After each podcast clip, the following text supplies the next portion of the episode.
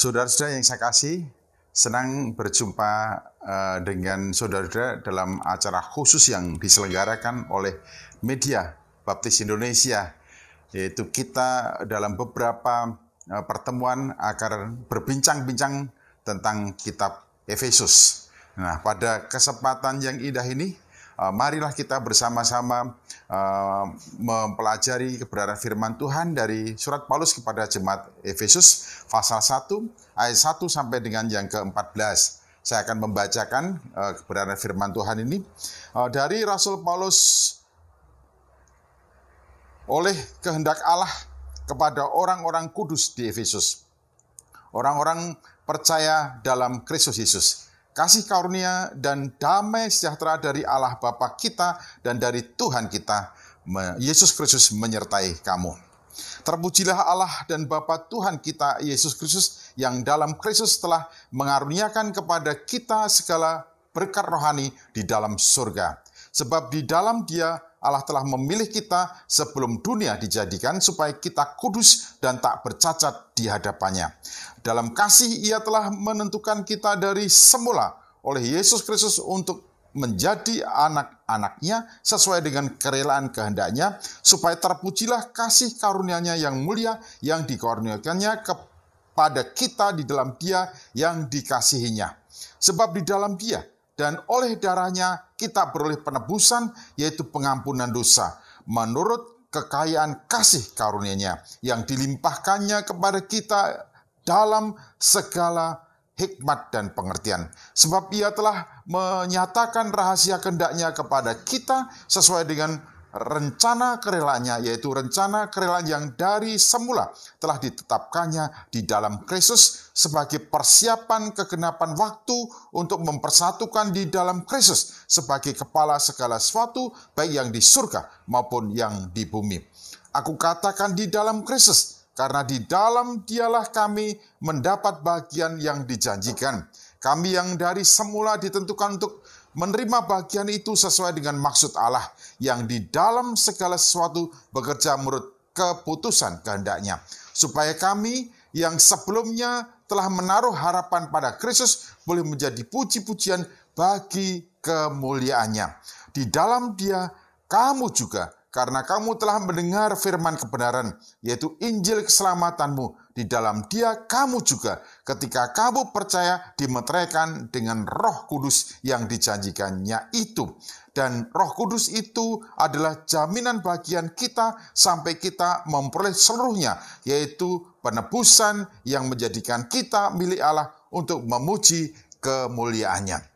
Saudara-saudara yang saya kasih dalam Tuhan Yesus Kristus, Paulus mempunyai hubungan yang sangat dekat dan erat dengan jemaat di Efesus. Oleh karena ia pernah melayani di Efesus tiga tahun lamanya. Kurang lebih tiga tahun. Dan dia katakan selama tiga tahun tidak ada sesuatu pun yang belum dilakukan oleh Paulus untuk melayankan Injil Yesus Kristus untuk mengembalakan jemaat di uh, Efesus. Dan dalam kisah para rasul pasal 20, di sana Paulus uh, berpidato atau menyampaikan pesan-pesan menjelang ia meninggalkan Efesus kepada penatua-penatua yang kemudian diserai tugas mengembalakan uh, di Efesus. Dan beberapa waktu kemudian Paulus juga memberikan tugas khusus kepada Timotius untuk menjalankan tugas pengembalaan dan pelayanan Injil kepada jemaat di Efesus dan Paulus juga memberikan dorongan dan motivasi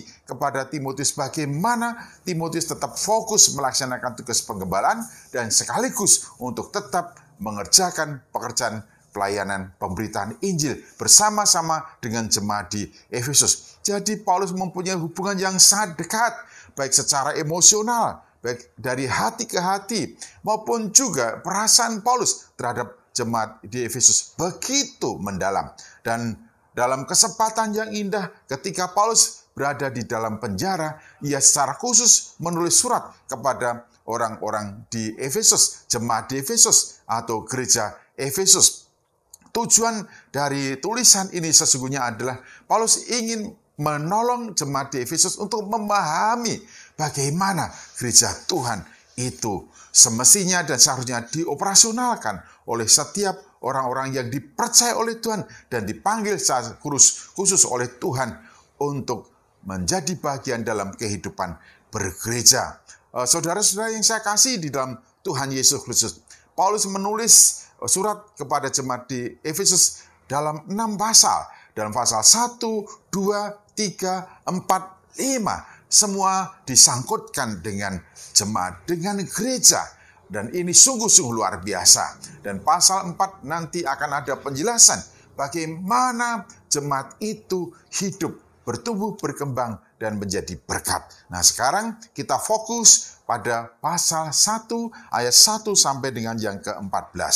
Saudara-saudara yang saya kasih dalam Tuhan Yesus Kristus. Pertama-tama Rasul Paulus ingin memberikan uh, penjelasan kepada jemaat di Efesus dan juga kepada kita semuanya betapa besar kasih karunia Allah kepada kita, kepada saya, kepada Bapak, Ibu, dan saudara-saudariku yang saya kasih di dalam Tuhan Yesus Kristus. Di sini dikatakan terpujilah Allah dan Bapa Tuhan kita, Yesus Kristus, yang dalam Kristus telah mengaruniakan kepada kita segala berkat rohani di dalam surga. Sebab di dalam dia, di dalam Kristus, Allah telah memilih kita sebelum dunia dijadikan supaya kita kudus dan tak bercacat di hadapannya. Dalam kasih ia telah menentukan kita dari semula oleh Yesus Kristus untuk menjadi anak-anaknya sesuai dengan kerelaan kehendaknya, supaya terpujilah kasih karunia-Nya yang mulia yang dikaruniakannya kepada kita di dalam Dia yang dikasihinya. Bapak, Ibu, dan saudara-saudaraku yang saya kasih dalam Tuhan Yesus Kristus. Paulus memberikan penjelasan yang sangat indah, mendalam, dan mengakar kepada seluruh orang-orang percaya kepada jemaat di Efesus, kepada saya, kepada kita semua. Betapa besar kasih karunia Allah kepada kita. Betapa agung luhur kasih karunia Allah kepada kita. Paulus ingin setiap orang percaya, saya, Bapak, Ibu, dan saudara-saudariku untuk memahami betapa besar kasih karunia Allah kepada kita yang dikerjakannya menurut di dalam Tuhan Yesus Kristus. Ketika kita memahami betapa besar kasih karunia kepada kita, maka kita dengan sepenuh hati, dengan keharuan, dengan uh, kesungguhan hati, ketulusan hati, kita akan memuji kasih karunia yang begitu besar.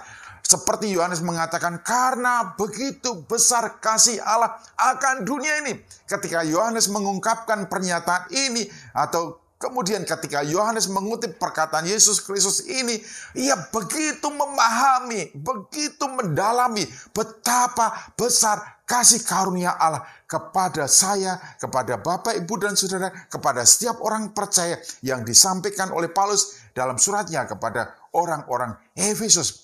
Mengapa Paulus mengatakan betapa besar kasih karunia Allah kepada kita yang dikerjakan oleh Allah Bapa di dalam Kristus Yesus menurut rencananya, rencana kerelaannya. Mari kita lihat di sini. Dikatakan bahwa Terpujilah Allah Bapa Tuhan kita Yesus Kristus yang dalam Kristus telah mengaruniakan kepada kita segala berkat rohani dalam surga. Di dalam Kristus Allah telah mengaruniakan kepada saya, Bapak, Ibu, dan saudara-saudariku segala berkat rohani di dalam surga. Nah, ini luar biasa dan sungguh-sungguh luar biasa. Ketika pernyataan ini diberitahukan sesungguhnya kita secara langsung mengerti bahwa setiap orang yang di dalam Kristus ia telah diberikan jaminan surga dan segala berkat rohani di dalam surga telah disediakan untuk saya, Bapak, Ibu, dan saudara-saudaraku. Puji Tuhan.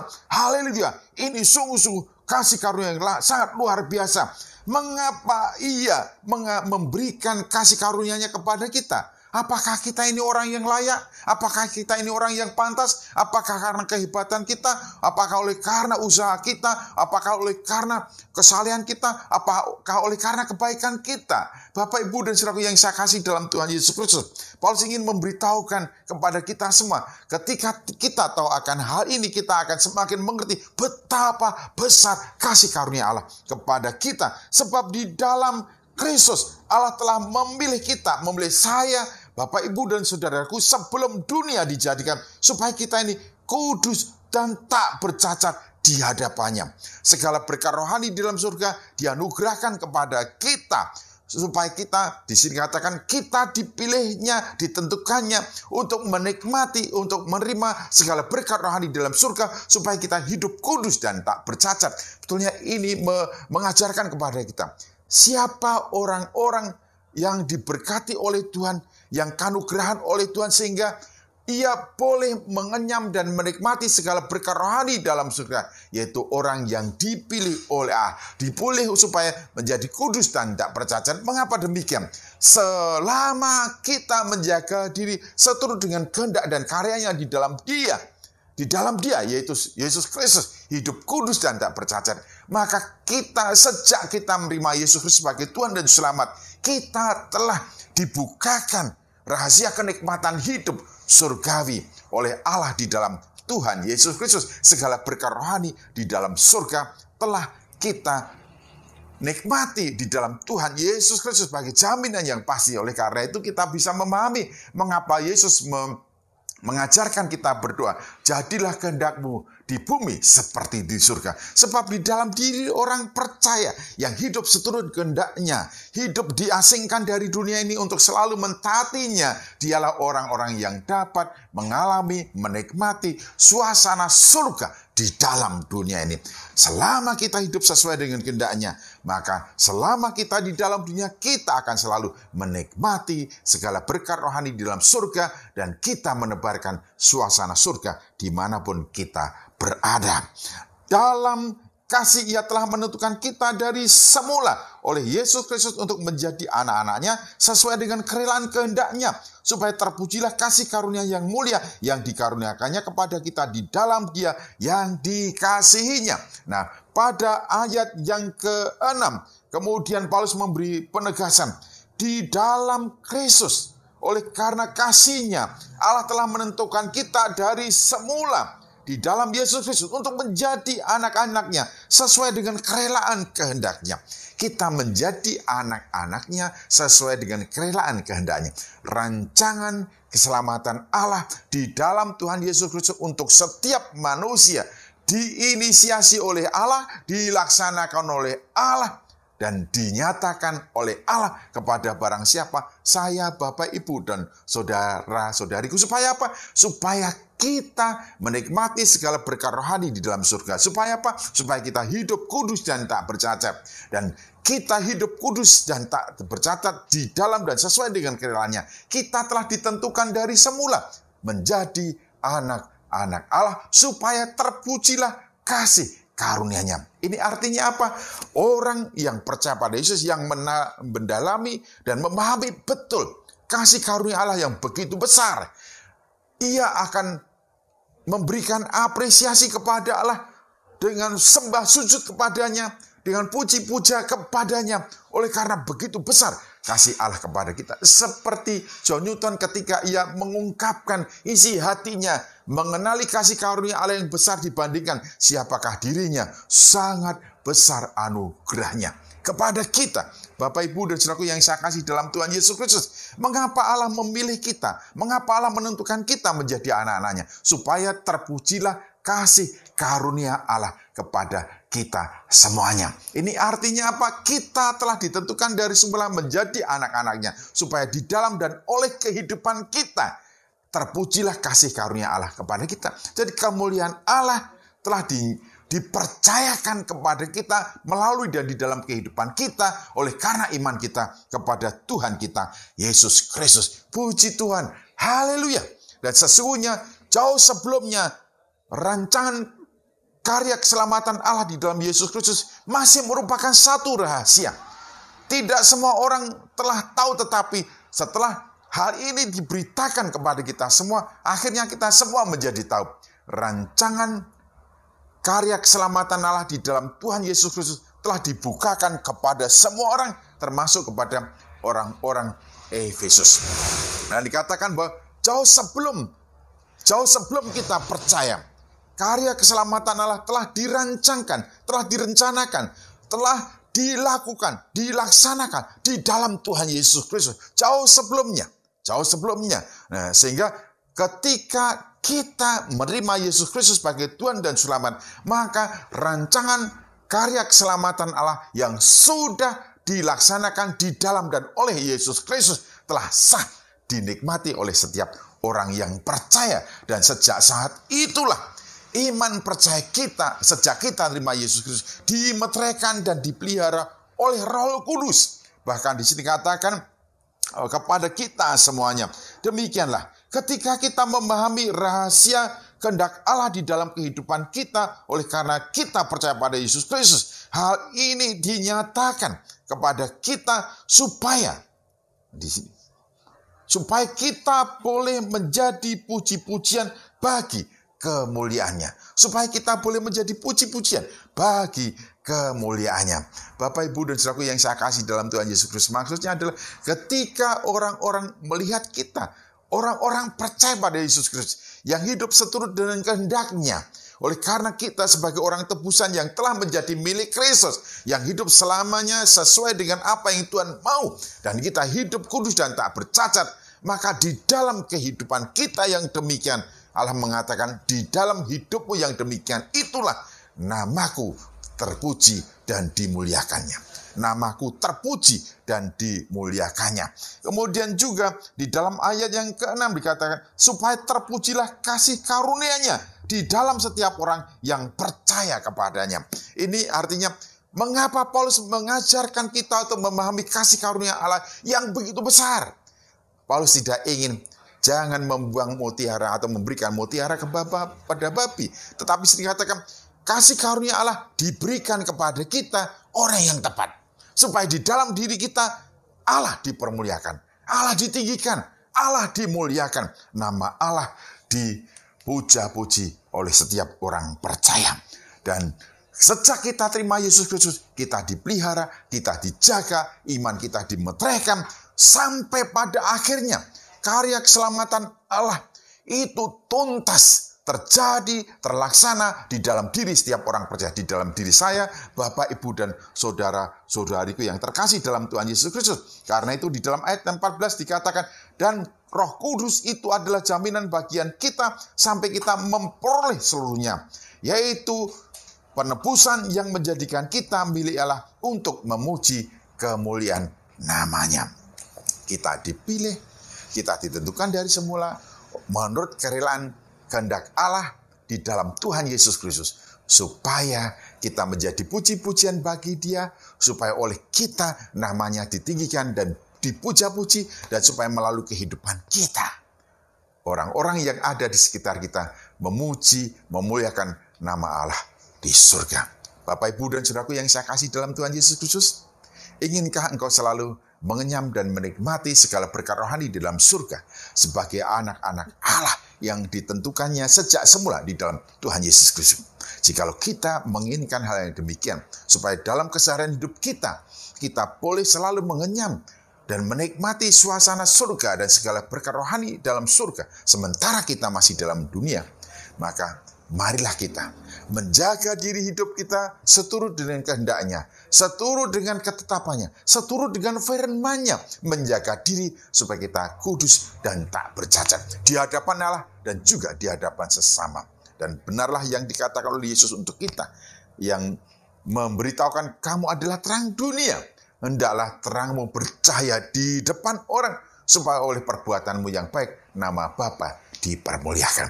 Haleluya dan biarlah hidup kita menjadi sebab orang lain memuliakan Allah Bapa di surga. Melalui hidup kita, nama Tuhan dipermuliakan. Di dalam diri dan hidup kita, orang lain melihat Tuhan Yesus Kristus. Puji Tuhan. Mari kita berdoa. Tuhan Yesus, kami menyerahkan pengajaran kebenaran firman Tuhan ini ke dalam tangan kuasamu. Bila setiap orang yang pada hari ini menyaksikan, mendengarkan, memahami kasih karuniamu yang begitu besar, sehingga semuanya mengatakan amazing grace, sangat besar anugerahmu. Seraya mereka menyanyikan lagu kidung ini, mereka juga berkomitmen untuk secara konsisten menjaga diri hidupnya, supaya di dalam dan melalui hidupnya di dalam Kristus, mereka menjadi puji-pujian bagi kemuliaan namamu, dan nama Tuhan dipermuliakan di mana pun kami, setiap orang percaya berada, dan setiap gereja Tuhan berada. Di dalam nama Tuhan Yesus Kristus, kami berdoa dan mengucap syukur. Haleluya. Amin. Terima kasih Anda telah menonton video Bincang Bestari di YouTube channel Baptis Indonesia. Pastikan Anda klik subscribe dan klik lonceng untuk menonton video kami selanjutnya.